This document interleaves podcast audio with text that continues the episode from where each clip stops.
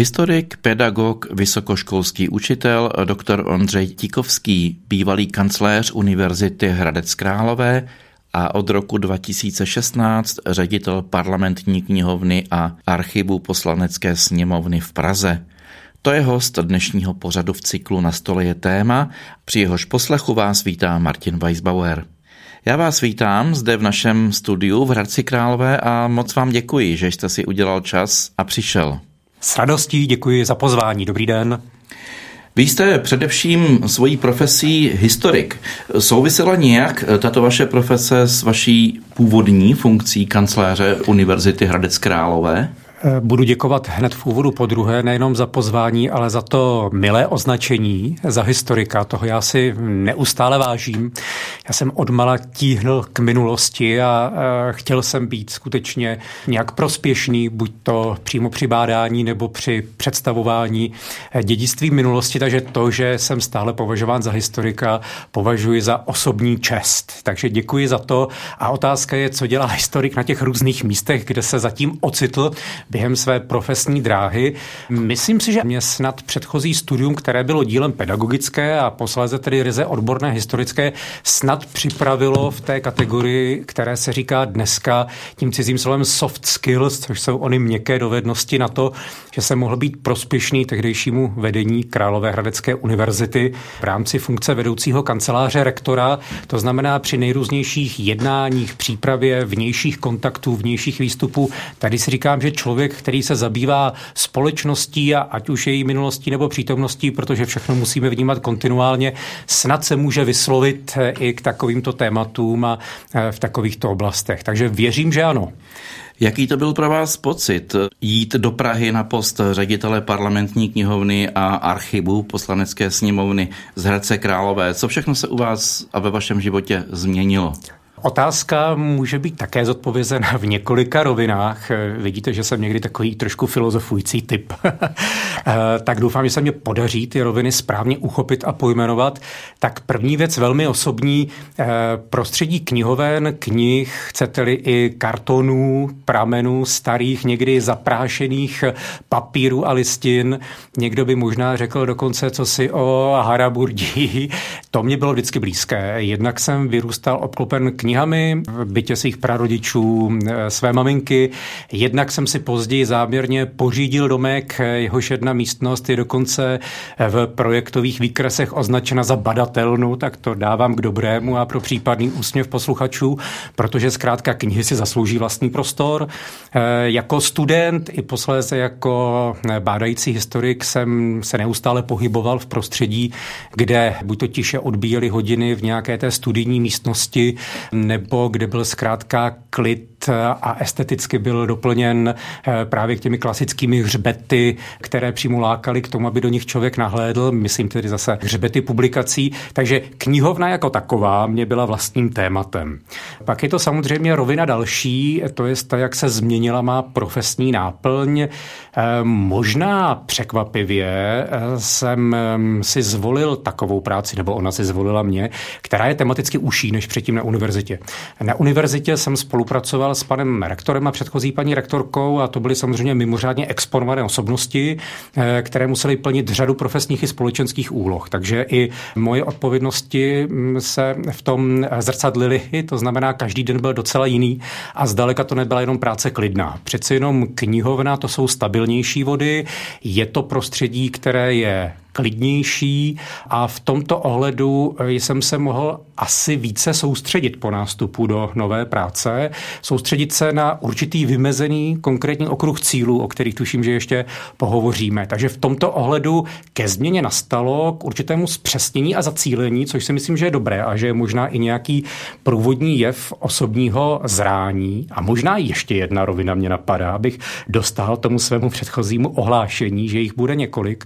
A to je ta, že když člověk opustí univerzitní prostředí, tak si vyzkouší o něco reálnější svět. Byť teď samozřejmě posluchači si mohou říct, do jaké míry je prostředí kanceláře poslanecké sněmovny reálnějším světem, ale samozřejmě akademické prostředí jako každé je velice, velice specifické. Člověk v něm tráví roky a roky, než uzraje, dlouho musí na sobě pracovat, ale jsou tady určitá rizika, řekněme, jednostranosti, možného zacyklení se a v tomto ohledu jsem prostě chtěl získat nějaký nový impuls, chtěl jsem opustit něco, co by někdo možná nazval skleníkem, ale prosím, myslím to v dobrém a stále spolupracuji s univerzitním prostředím, takže hovořím o školách vysokých zásadně s láskou a s respektem, ale myslím si, že je to důležité, vykročit ven. My se teď dostáváme vlastně k tomu, co obecně obnáší parlamentní knihovna a jak funguje, jaký je její smysl. První dobrá zpráva pro posluchače je ta, že parlamentní knihovna je veřejnosti přístupná, podobně jako náš sesterský či bratrský archiv poslanecké sněmovny, protože my jsme dvojité pracoviště. To asi málo kdo ví, tohleto? Eh, je to tak a to je trošičku dluh minulosti, že to málo kdo ví, takže vztahujeme to na sebe. A já za chvilku vysvětlím, proč. Parlamentní knihovna v prvé řadě musí sloužit jako informační zázemí skutečně parlamentu, to znamená oběma komorám, sněmovně i senátu. Takže představte si klasické sbírky literatury odborné, představte si takzvaná parlamentária, materiály, které souvisí s legislativním procesem, ehm, představte si samozřejmě i zcela moderní prostředky získávání informací, jako jsou počítači, pomocí se dostanete do zahraničí zahraničních či tuzemských elektronických databází. Takže řekněme, že to je informační brána. A teď otázka, kdo tou branou může projít, tak jednak samozřejmě zákonodárci, to je naprosto zřejmé, prostě zákonodárný sbor musí mít svoji na dosah ruky, pokud možno naprosto spolehlivou a téměř vše objímající knihovnu, aniž by se nutně jednalo jenom o knihy. A pak zde máme skutečně veřejnost, protože schromážděné materiály mohou velice dobře sloužit eh, nejrůznějším zájemcům, případně, tak jak se u archivu očekává, když se podívám na naše druhé pracoviště, rizím badatelům. Napadá mě ještě jedna charakteristika důležitá a to je doba historického vývoje. Parlamentní knihovna je v tuto chvíli nejstarší součástí parlamentní sněmovní administrativy. My letos si připomínáme 165. výročí od první zmínky existence právní literatury a řekněme základní příručky, která byla k dispozici Zemskému výboru a posleze Českému zemskému sněmu. Takže za tu dobu skutečně docházelo, nebo došlo k velké kumulaci eh, vědění a k velké kumulaci poznatků. Takže to je asi základní charakteristika. Velké dědictví informační, kulturní a i historické. To mě evokuje otázku, vy jste před chvílí zmiňoval mm, právní literaturu. Jaké ještě další typy materiálů obsahuje převážně parlamentní knihovna? Historické nebo nějaké další? To by bylo eh, možná i na zajímavý výzkum, kdyby se někdo podíval, jak se mění povaha fondu podle toho, jak se vyvíjel v čase. Občas mě to napadne, když se díváme s kolegy do toho, jak budeme charakterizovat určitou historickou fázi vývoje naší knihovny, co je závěr 19. století, jak vypadal fond první republiky, jak vypadal po stránce jazykové, tematické, Potom samozřejmě přichází období po roce 1948 a samozřejmě knihovna velmi zrcadlí váhu tehdejšího parlamentu. To znamená, když parlament mluvil, tak knihovna četla, abych tak řekla, sbírala a obráceně. Samozřejmě po roce 1990 je taky krásně eh, zjistitelný značný, značný rozmach tematický, geografický i svým záběrem v té pluralitě témat. Ale máte pravdu, že tou linkou, která spojuje ta jednotlivá období, tak to je právní literatura právnická, která je naprosto nezbytná. My jsme pišní na to, jak celiství máme právní fond, ale pak eh, musíme sledovat záležitosti, které jsou geopolitické, společenské, ekonomické a teď mohu odvozovat. Mohl bych pokračovat zase tou historií, ale na druhou stranu, když si uvědomíte kolik výborů má poslanecká sněmovna, jakého různého zaměření, včetně environmentálního, včetně toho, který se zabývá obranou, eh, vojenstvím, tak musíme samozřejmě sledovat témata, která hýbou světem, takže se snažíme o záběr co nejširší. Ale v jádru by asi naší knihovně slušela charakteristika jako právně humanitní.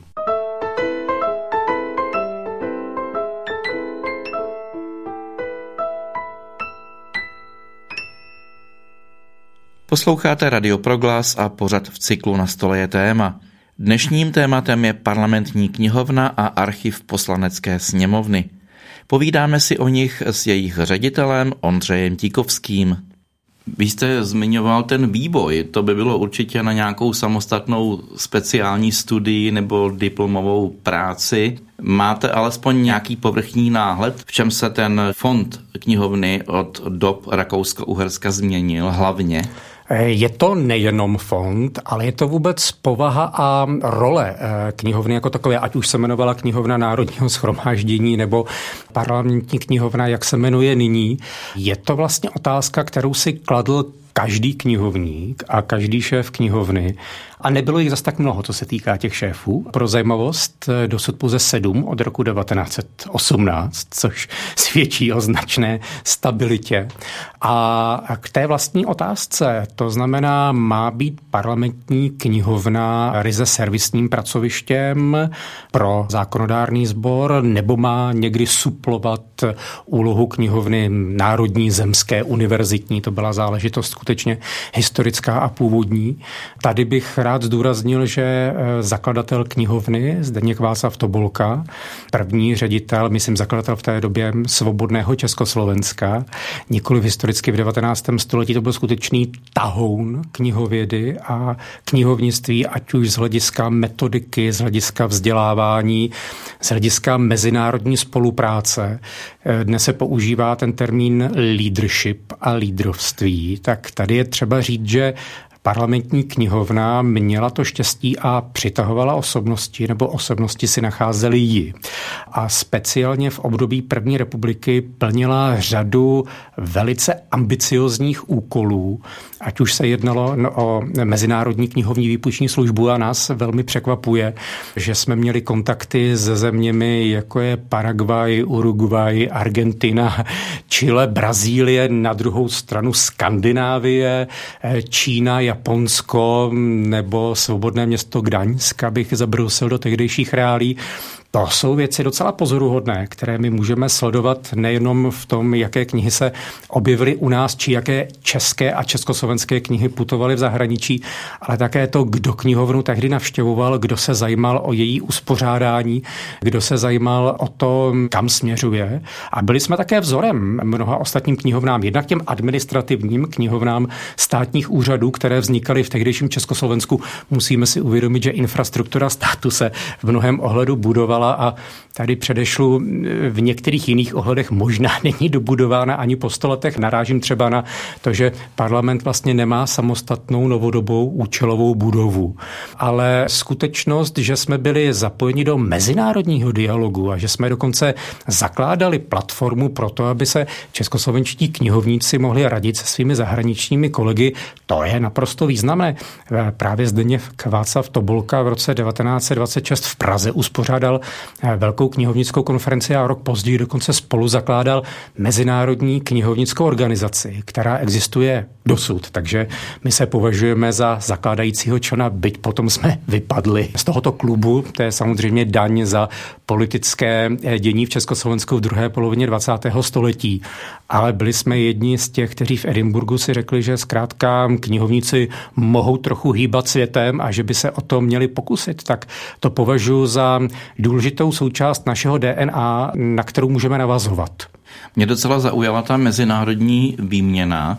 Mohl byste nám ji trochu přiblížit, v čem vlastně spočívala a nebyl problém třeba s tím, že knihy v češtině málo kdo asi přečte? Eh, jednak si musíme uvědomit, eh, že eh, v období první republiky jsme nebyli státem, který hovořil a psal jedním jazykem. Ono je to vůbec zajímavé, když se jdeme dějiny parlamentu. Pro všechny, kdo se pustí pod rok 1945, tak v případě takzvané první republiky se musí vypořádat samozřejmě s tím, že zde máme nejrůznější politické strany, které reflektují národnostní menšiny, že sama republika byla v tomto mnohem pestřejší. No a když jdu do Českého země zemského sněmu, tak zkrátka eh, musím být připraven na německý jazyk. Kdo se přijde podívat na prohlídku poslanecké sněmovny, tak uvidí, že výzdobou jednacího sálu nejsou pouze lipové listy, ale je to taky ten klasický německý dubový symbol. Takže realita současnosti, to znamená omezený český trh, nemusel vždycky odpovídat tomu, co bylo historicky dáno. To je první fakt, který je třeba si uvědomit. Eh, druhý fakt, my jsme zároveň knihy přijímali. To znamená, my jsme mohli být tou branou ve směru ze zahraničí k nám do Československa. A je potřeba říct, že tehdejší vzdělávací systém připravoval kvalifikované síly na to, aby hovořili jednak klasickými jazyky, aby byli plynulí ve francouzštině, Němčina byla samozřejmostí, takže mm, ta prostupnost informační v tomto ohledu byla mm, rozhodně široká. Byla to i jedna z podmínek vůbec k tomu, aby se člověk mohl stát knihovníkem knihovníkem v Národním schromáždění. Když se podíváme na současný stav toho fondu parlamentní knihovny, jaké jazyky tam nejvíce tedy převládají? Eh, je to logicky čeština. To je samozřejmé, my musíme reflektovat českou knižní produkci, která je, a to musím konstatovat s velkým uspokojením, bohatá. Tady bychom mohli rozvinout diskusy o tom, jak se daří nakladatelům, vidíte, a, a jak se daří autorům, ale od toho jsou povolanější jiní hosté. Jednou z mých největších radostí, možná dvakrát do měsíce, je to, že se svými kolegy se mohu podílet na výběru literatury, kterou považujeme za podstatnou, a ta je samozřejmě primárně česká. Ale my jsme knihovna parlamentní jsme v Evropské unii, v Evropském společenství a vůbec problémy jsou globální. Takže není možné pominout produkci zahraniční. Navíc český jazyk je jazyk minoritní a ne všechno eh, bude přeloženo do češtiny. Takže my se snažíme sledovat to, co vychází v angličtině, v němčině. Ten německý prostor nemůžeme zanedbávat, protože nás obklopuje. Jsme zkrátka střední Evropa se společnou minulostí.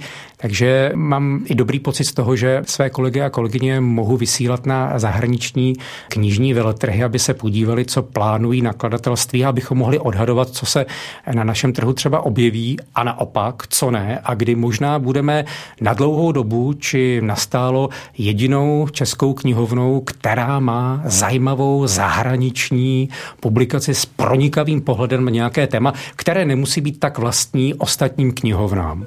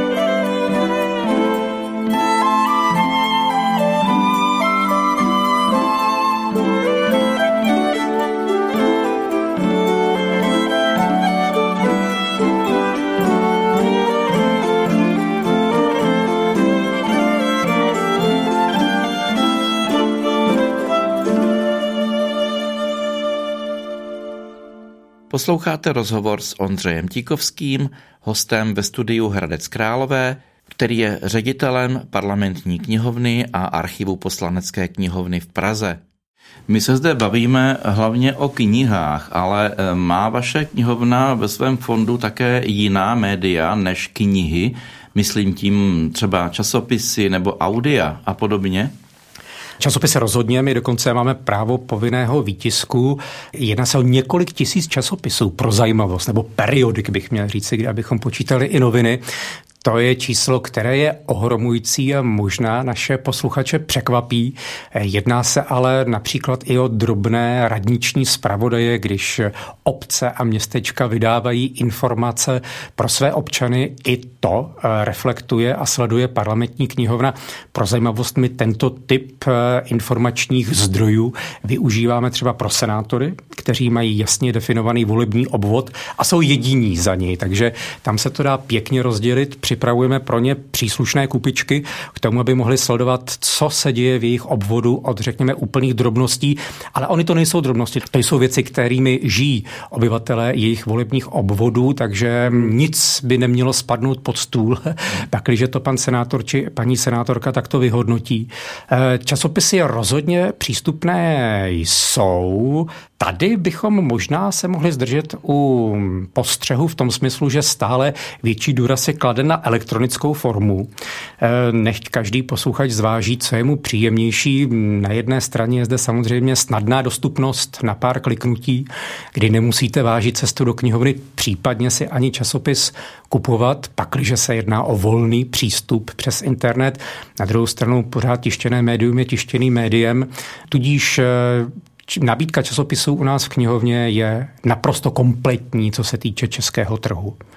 A pak musím říct, že eh, také umožňujeme propojení do elektronických zdrojů zahraničních. Tím se vlastně vracím k vaší otázce po jazycích, protože poznání, speciálně to odborné vědecké, a i to české vědecké už bývá mnohdy publikováno primárně v anglickém jazyce. Alespoň sumář v angličtině je dneska samozřejmostí, ale zahraniční badatelé zkrátka chtějí sdílet informace, vyměňovat si a k tomu potřebují ten společný nástroj jazykový a to je angličtina. Takže my se snažíme, aby z parlamentní knihovny jak ehm, rešeršisté, tak ehm, ti, kteří se podílejí na přípravě zákonů, tak odborní analytici, výzkumníci, kterými také disponuje parlament, mohli na pár kliknutí mít k dispozici to, co ví svět v anglickém jazyce. To znamená elektronický zdroj. Co je pro zájemce volně přístupné, například přes internet, jak jste před chvílí zmiňoval, a co naopak je třeba pod nějakými hesly pouze pro poslance nebo senátory? To, o čem jsem hovořil naposledy v případě zahraniční databází, to znají i třeba členové Akademie věd nebo akademici z vysokých škol, to jsou záležitosti, které jsou placené. Takže tady my vynakládáme státní prostředky na to, abychom odemkli tím klíčem informační bránu příslušného poskytovatele a tam skutečně je potřeba mít zvláštní postavení čtenáře parlamentní knihovny, to je být buď to zákonodárcem nebo zaměstnancem jedné ze dvou kanceláří sněmovny či senátu, ale na druhou stranu je to dobrá příležitost, abych pozval posluchače k tomu, aby si prohlédli naše webové stránky, protože parlamentní knihovna i sněmovní archiv se snaží o to, aby zpřístupňovali v rámci možností technických i lidských současných sil informace. A to mohou být jednak různá parlamentária, informace o vývoji z minulosti zákonodárných sborů ve střední Evropě v rámci donedávna často skloňované Vyšegrádské čtyřky, v rámci bývalého Československa máme společnou československou digitální knihovnu ku příkladu. A naši kolegové ve sněmovním archivu se snaží co nejvíce posílit tu digitalizační složku, eh, například i u vizuálních pramenů, to znamená nejenom u těch písemných, ale eh, v případě fotografií, v případě plánů, tak aby mohli umístit pro pohodlí badatelů a návštěvníků co největší množství samozřejmě umístitelných informací na webové stránky, tak aby byly eh, využívány aby neležely ladem. Ale eh, pravdou je, že toto je stránka, kterou budeme muset významně posilovat v budoucnosti, protože doba v tomto činí obrovský vývoj ku předu. Je to, jak říkáte, bavíme se teď o neuvěřitelné propojenosti všeho přes internet, ale jak to bylo například před internetem, anebo třeba v Habsburské říši, kdy knihovna také fungovala? Jak to bylo s tou propojeností tehdy? Tak jednak zde byla propojenost rozhodně elit a propojenost personální. To jenom vidíme na tom, kde všude vyrostly osobnosti, o kterých potom čteme jako o takzvaných zakladatelích eh, našeho státu, rozumíme Československa. Eh, to byli všechno lidé, kteří měli bohaté zkušenosti s eh, školami rakouského mocnářství, kteří třeba i zasedali v Řížské radě, což byl i případ Zdeňka Václava Tobolky, našeho prvního ředitele popřevratového, abych to řekl tehdejší terminologií, takže ta prostupnost elit byla naprosto jednoznačná. Mohli bychom vzpomenout i na eh, třetího prezidenta Háchu, ku příkladu. Ale mm, na druhou stranu je třeba si uvědomit, že některá pravidla byla mnohem striktnější, co se týká používání právě toho základního, k čemu knihovna slouží. To je publikace mm, takové půjčování domů zdaleka nebylo samozřejmostí. Samozřejmostí bylo naopak sledování zdravotního stavu čtenářů. To znamená, když eh, propukla nemoc v rodině v případě výpůjčky, tak bylo eh, samozřejmostí a povinností každého čtenáře hlásit takovou nemoc, tak aby případně mohla putovat kniha do karantény a tak, aby ostatní byli ochráněni to jsou záležitosti, které jsou zvláštní. Dneska si už asi stěží dovedeme představit, že v knihovně se někdo, kdo má svoji profesi a kdo třeba není primárně věcem, zahloubá na dlouhé hodiny. Dneska musí být k dispozici kniha, časopis, sken, odkaz, link, graf, skutečně velice rychle, možná nějaký sumář, přefiltrované informace, analýza, kterou už připraví možná i umělá inteligence. Takže v tomto ohledu se dynamika doby významně posunula a také trpělivost uživatelů a jejich očekávání. Čas, mění se čas, čas se zrychluje.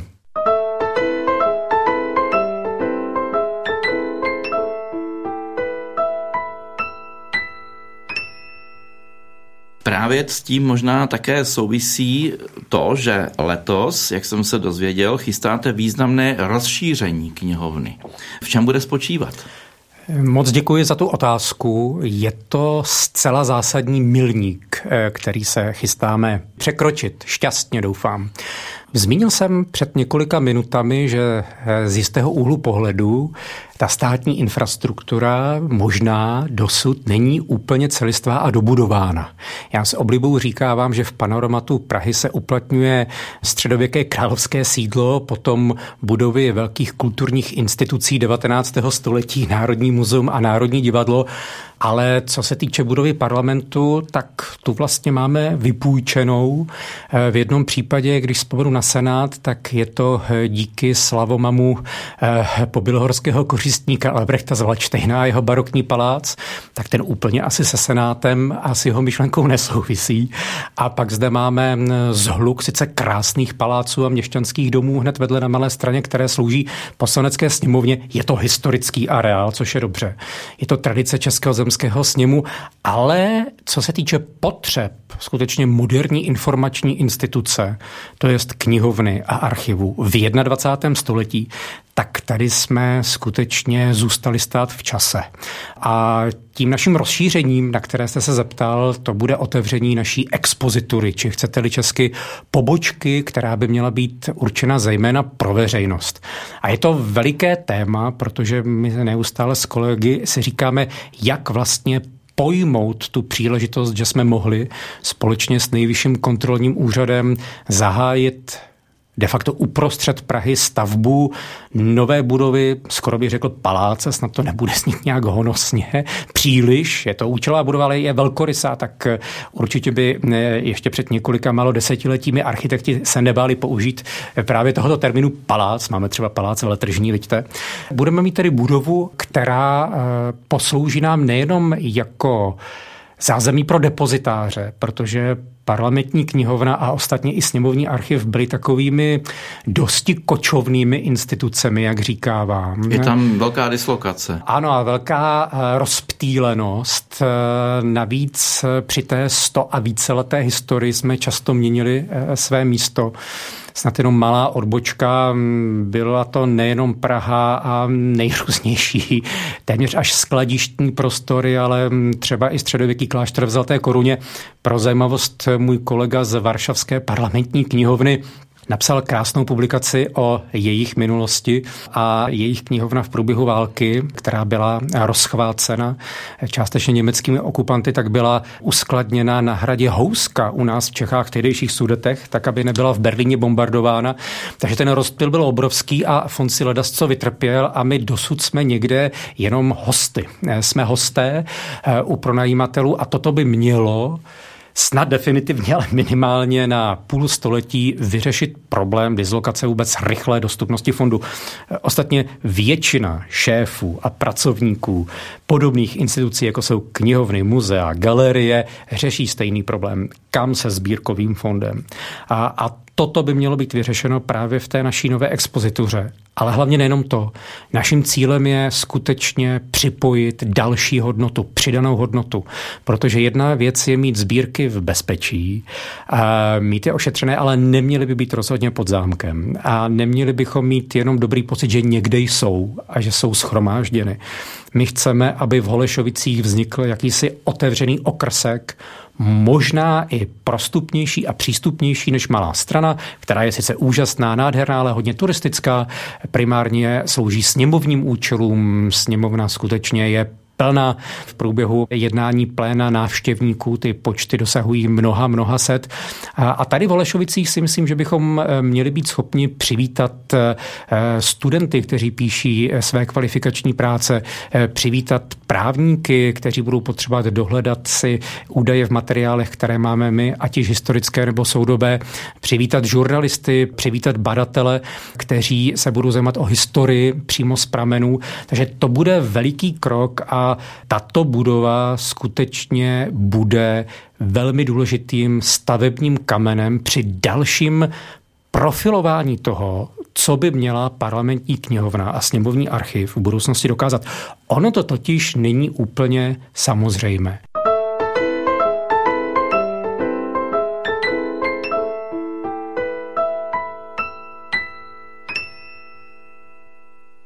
Posloucháte Radio Proglas a pořad v cyklu Na stole je téma. Dnešním tématem je parlamentní knihovna a archiv poslanecké sněmovny. Povídáme si o nich s jejich ředitelem Ondřejem Tíkovským. Kromě toho, že tam budou mít prostor pro veřejnost a depozitář, tak samozřejmě jsme mysleli i na to, abychom se mohli o fond řádně starat pro mnohé instituce je to samozřejmostí, ale ne pro parlament, protože jeho administrativa primárně logicky slouží podpoře zákonodárného procesu, takže my třeba nemáme restaurátorské dílny, logicky.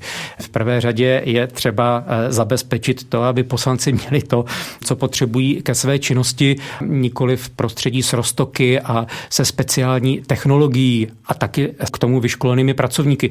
Ale to vše budeme mít, dělí nás jenom několik málo měsíců. A pak začne nová etapa. Budeme mít tedy infrastrukturu, budeme mít věci na svém místě, budeme se o ně moci starat ve své režii podle svého uvážení a hlavně my se budeme moci více otevřít. A to je zároveň i zadání ze strany vedení poslanecké sněmovny. Je to velké přání, které zdůrazňuje naše paní předsedkyně, která vždycky říká, pojďme tu sněmovnu, která někdy možná působí trochu uzavřeně, snad i nepřívětivě pro občana víc otevřít, tak jestli něco v tomto může udělat knihovna a archiv eh, tohoto domu, tak je to právě eh, jejich holešovická pobočka. My se o tom bavíme a je červen roku 2023. Vy jste říkal před chvílí, že nás dělí řádově několik měsíců, to znamená, že v roce 2024 si myslíte, že už by mohla být k dispozici veřejnosti tato holešovická pobočka? Budova stojí, budovu bude v prvé řadě užívat nejvyšší kontrolní úřad. My jsme se dohodli na spolupráci, jak při projektu. Ta budova je skutečně účelově připravena pro nás, takže tam jsme významně zasahovali do toho, jak má být utvářený jinak primárně kancelářský prostor. Budova je tedy hotová, hmotově ji eh, mohou obhlédnout eh, případně nás poslouchající zájemci z blízkého okolí. A my se v nejbližších měsících, eh, věřím, budeme stěhovat, protože máme připravené zakázky na vybavení právě depozitářů regálovým systémem, tak abychom měli eh, kompletní podmínky k tomu, aby fond se mohl dále rozvíjet. Eh, budeme vypisovat velkou soutěž právě na zařízení konzervátorského ateliéru a digitalizační dílny. To všechno bychom rádi stihli ještě v průběhu tohoto roku, ve druhém pololetí. Také na to máme rozpočtovány prostředky a je třeba říct, že vnímáme to, v jakém stavu jsou veřejné finance a tak se snažíme všechno stihnout do doby, eh, dokud skutečně máme příslušné peníze k tomuto účelu alokovány. A příští rok budeme po mnoha, mnoha letech fond pořádat, eh, budeme jej kontrolovat, eh, budeme jej revidovat, budeme zpřesňovat náš plán ošetření těch jeho částí, které si to obzvlášť zaslouží. Pustíme se do skutečně masivnější digitalizace, třeba v případě periodik, v případě pramenů je to naprosto jednoznačné, tam je konkrétní plán a já si myslím, že zkušební provoz za rok touto dobou bude realitou.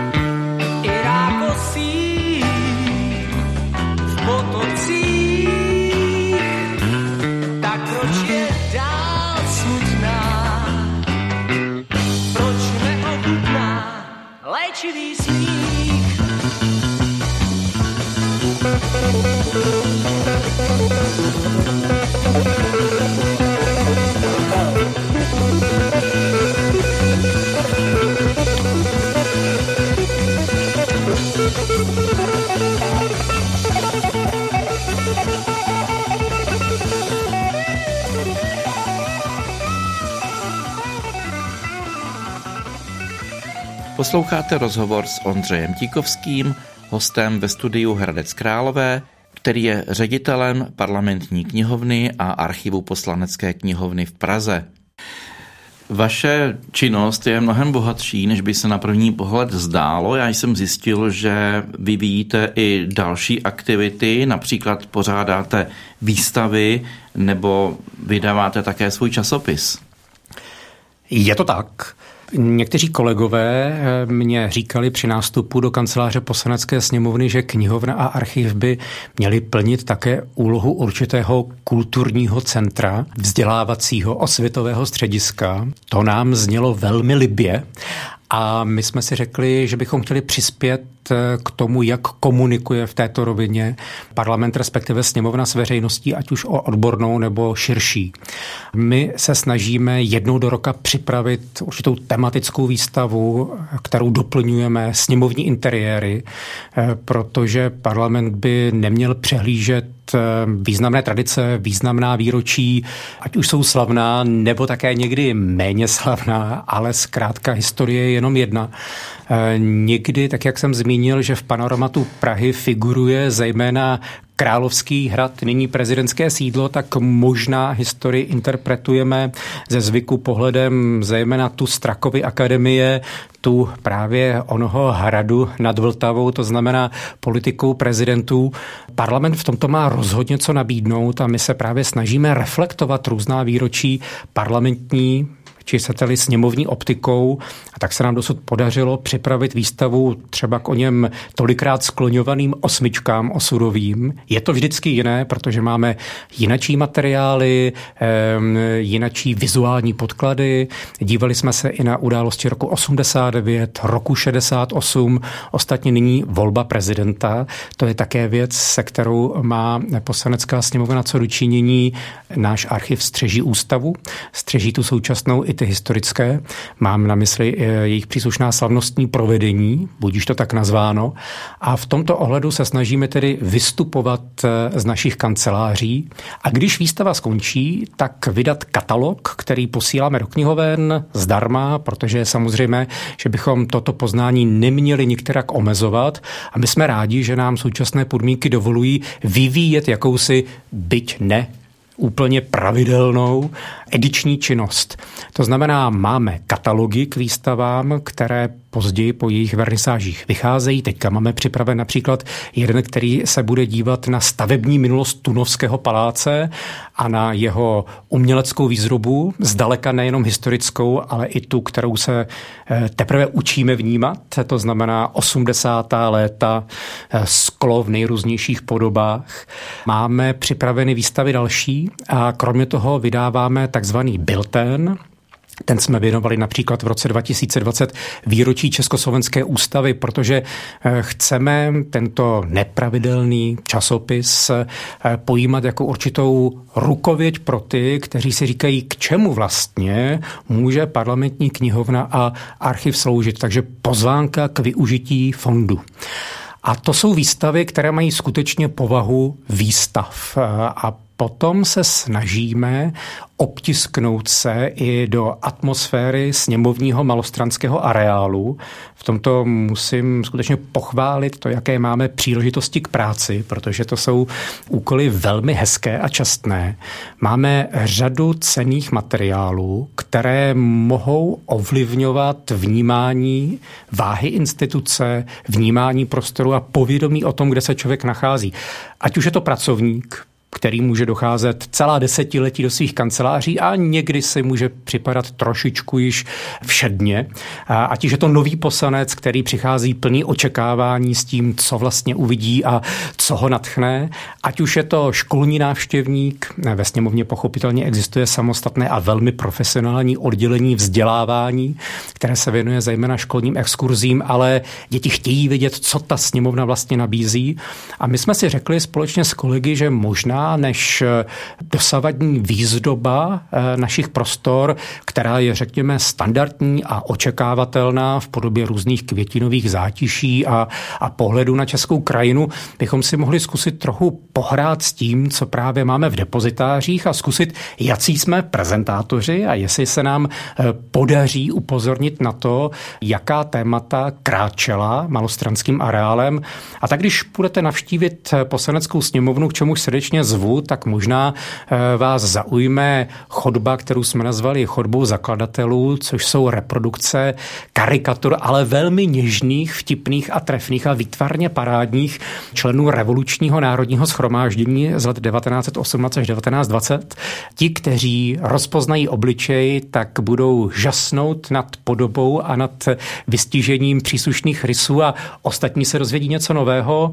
Máme i chodbu, která je věnována komunální heraldice a vexilologii, protože ku příkladu eh, v poslanecké sněmovně působí podvýbor, který se eh, věnuje schvalování návrhů novodobé komunální symboliky, to znamená vlajek a znaků obcí, měst a městysů. Následně předsedové sněmovny tyto atributy udělují, takže my se díváme i z tohoto hlediska novodobé komunální heraldiky na tuto pravomoc a prezentujeme toto téma v jedné z chodeb. No a takovou eh, jistou hříčkou je chodba, kterou jsme nazvali chodbou razítek, i když ona se jmenuje vznešeněji, ona se jmenuje úřední otisky parlamentního života. A tam se díváme za úředním stavem, za úředníkem.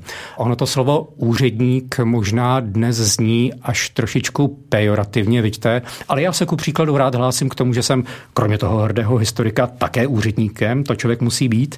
A tak ehm, jsme si vzali razítka, razidla a pečetidla, která asi jsou tím nástrojem výkonu úředních pravomocí a udělali jsme z nich přehlídku toho, jak šel čas s českým sněmem a českým parlamentem pohledem otisků právě těchto razítek. Tak to je docela jiný pohled. Tak, takováto témata se snažíme uchopovat.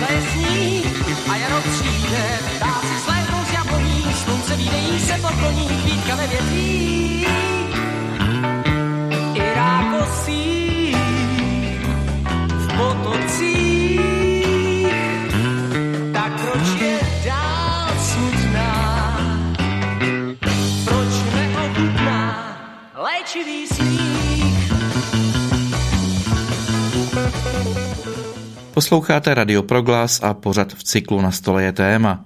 Dnešním tématem je parlamentní knihovna a archiv poslanecké sněmovny. Povídáme si o nich s jejich ředitelem Ondřejem Tíkovským. Jakou roli hrála parlamentní knihovna při volbách našich prezidentů? My jsme hodně společně hovořili o minulosti a já bych rád posílil to povědomí, že parlamentní knihovna a sněmovní archiv jsou také ryze současnými pracovišti. Z perspektivní budoucnosti, tak jestli dovolíte, já bych zůstal ve své odpovědi v roce 2023. To znamená při té letošní volbě protože je to právě náš sněmovní archiv, který asistuje u následné slavnostní inaugurace, u skládání slibu prezidenta, neboť archiv schraňuje, a je to vlastně to nejcennější, co má, eh, jak historické ústavy od roku 1920, počínaje Československem, tak to, čemu říkáme slavnostní provedení současné ústavy české. To znamená, minimálně naši kolegové se připravují na samotný obřad eh, a z přístupu vstupní ústavu a střeží ve Vladislavském sále. Ale kromě toho, a to patrně naši posluchači mohli zaznamenat, jsme si dali záležet na tom, abychom rituál doplnili o písemně psaný slib prezidenta, protože původně se prezidenti podepisovali za první republiky do slavnostního provedení tehdejší ústavy poté, co bylo vypracováno a provedeno a později vznikaly samostatné složky k tomu, aby každý prezident se podepsat mohl. Ale po roce 1990 přeci jen, jak ta doba kvapila kupředu, tak eh, nám poněkud upadala péče o to, jak příslušný materiál prvořadého významu vypadá. My jsme navíc na konci loňského roku udělali malou improvizovanou výstavu, zejména pro zákonodárce a odborníky na ústavní právo, když tehdy probíhala konference k výročí České ústavy, když se připomínalo výročí let 1992-93, když byla přijímána, abychom upozornili na to, jak šel dolů vzhled těchto našich eh, zásadních základních zákonů. Nechali jsme vyhodnotit písmo, nechali jsme vyhodnotit vizuální stránku a po letošní volbě jsme si řekli, že bychom snad měli zkusit přispět do diskuse, eh, jak má vypadat takto důležitý symbol, protože současná česká ústava je provedena, řekněme, v té nejzákladnější možné podobě. Eh, není nikterak zdobná, výpravná, ale ne, že by to bylo podmínkou. Nějaká falešná zdobnost by také modernímu státu neslušela, ale možná člověk očekává něco víc, než to, co se následně nachází v kožených deskách školách a naším úkolem bylo připravit nikoli v text slibu, ale jeho provedení. To bylo kaligrafické, skutečně malované. Tehdy to rozvířilo velkou diskusi i mediální. Dokonce deníky online vydávali texty a rozhovory s autory a, a s příslušnými kritiky a prezentovali názor veřejnosti, zdali výsledek není příliš odvážný, zdali neměl být poněkud konzervativnější, možná usedlejší. A to je, myslím, velmi dobré znamení, eh, znamení toho, že veřejnost potřebuje nějaký symbol a stát potřebuje další symbol a ústava by takovým symbolem měla být. Takže zatím ten letošní příspěvek z roku 2023 k ne volbě prezidenta, ale k jeho slibu, protože volbu mají v rukou občané, tak ten spočíval skutečně v tom, že jsme eh, do věci vstoupili výtvarně. Vstoupili jsme esteticky a to výtvarno se odvíjelo od nějaké myšlenky, tak jak si to obhájila autorka. Ale to byla pouhá příprava na to, co chystáme a to je vlastně hlavní sdělení, které se chystám učinit. A my jsme vyslyšeli přání řady, řady současných poslanců a, a také paní předsedkyně a pana kancléře poslanecké sněmovny, abychom vyhlásili soutěž, výtvarnou soutěž, kterou skutečně bude posuzovat porota specialistů. V žádném případě soutěž na cenu. Jímž předmětem by mělo být zhotovení řádného slavnostního provedení České ústavy. A to pro mě bude rozhodně společně s Holešovickou expoziturou, ale to je trošku jiný úkol, zadání letošního a příštího roku. My předpokládáme, že tento velký projekt Eh, si vyžádá čas asi až do roku 2025, ale výsledkem by nemělo být nic menšího než vlastně doplnění další ikony, dalšího symbolu státu, tak jako to mají mnohé jiné národy a společnosti. Já vám tedy v závěru našeho rozhovoru chci popřát, aby se vám vaše vize a vaše úkoly podařilo všechny splnit, zvláště pak dokončení vaší nové expozitury v Holešovicích a i vám osobně přeji mnoho dalších úspěchů. Mnohokrát děkuji za příjemný rozhovor a posluchačům za zájem. Naschledanou.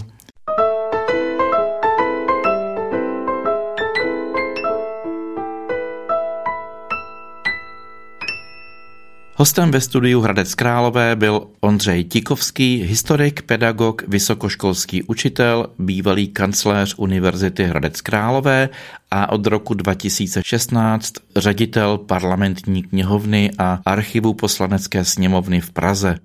Za pozornost děkuje a loučí se s vámi Martin Weisbauer.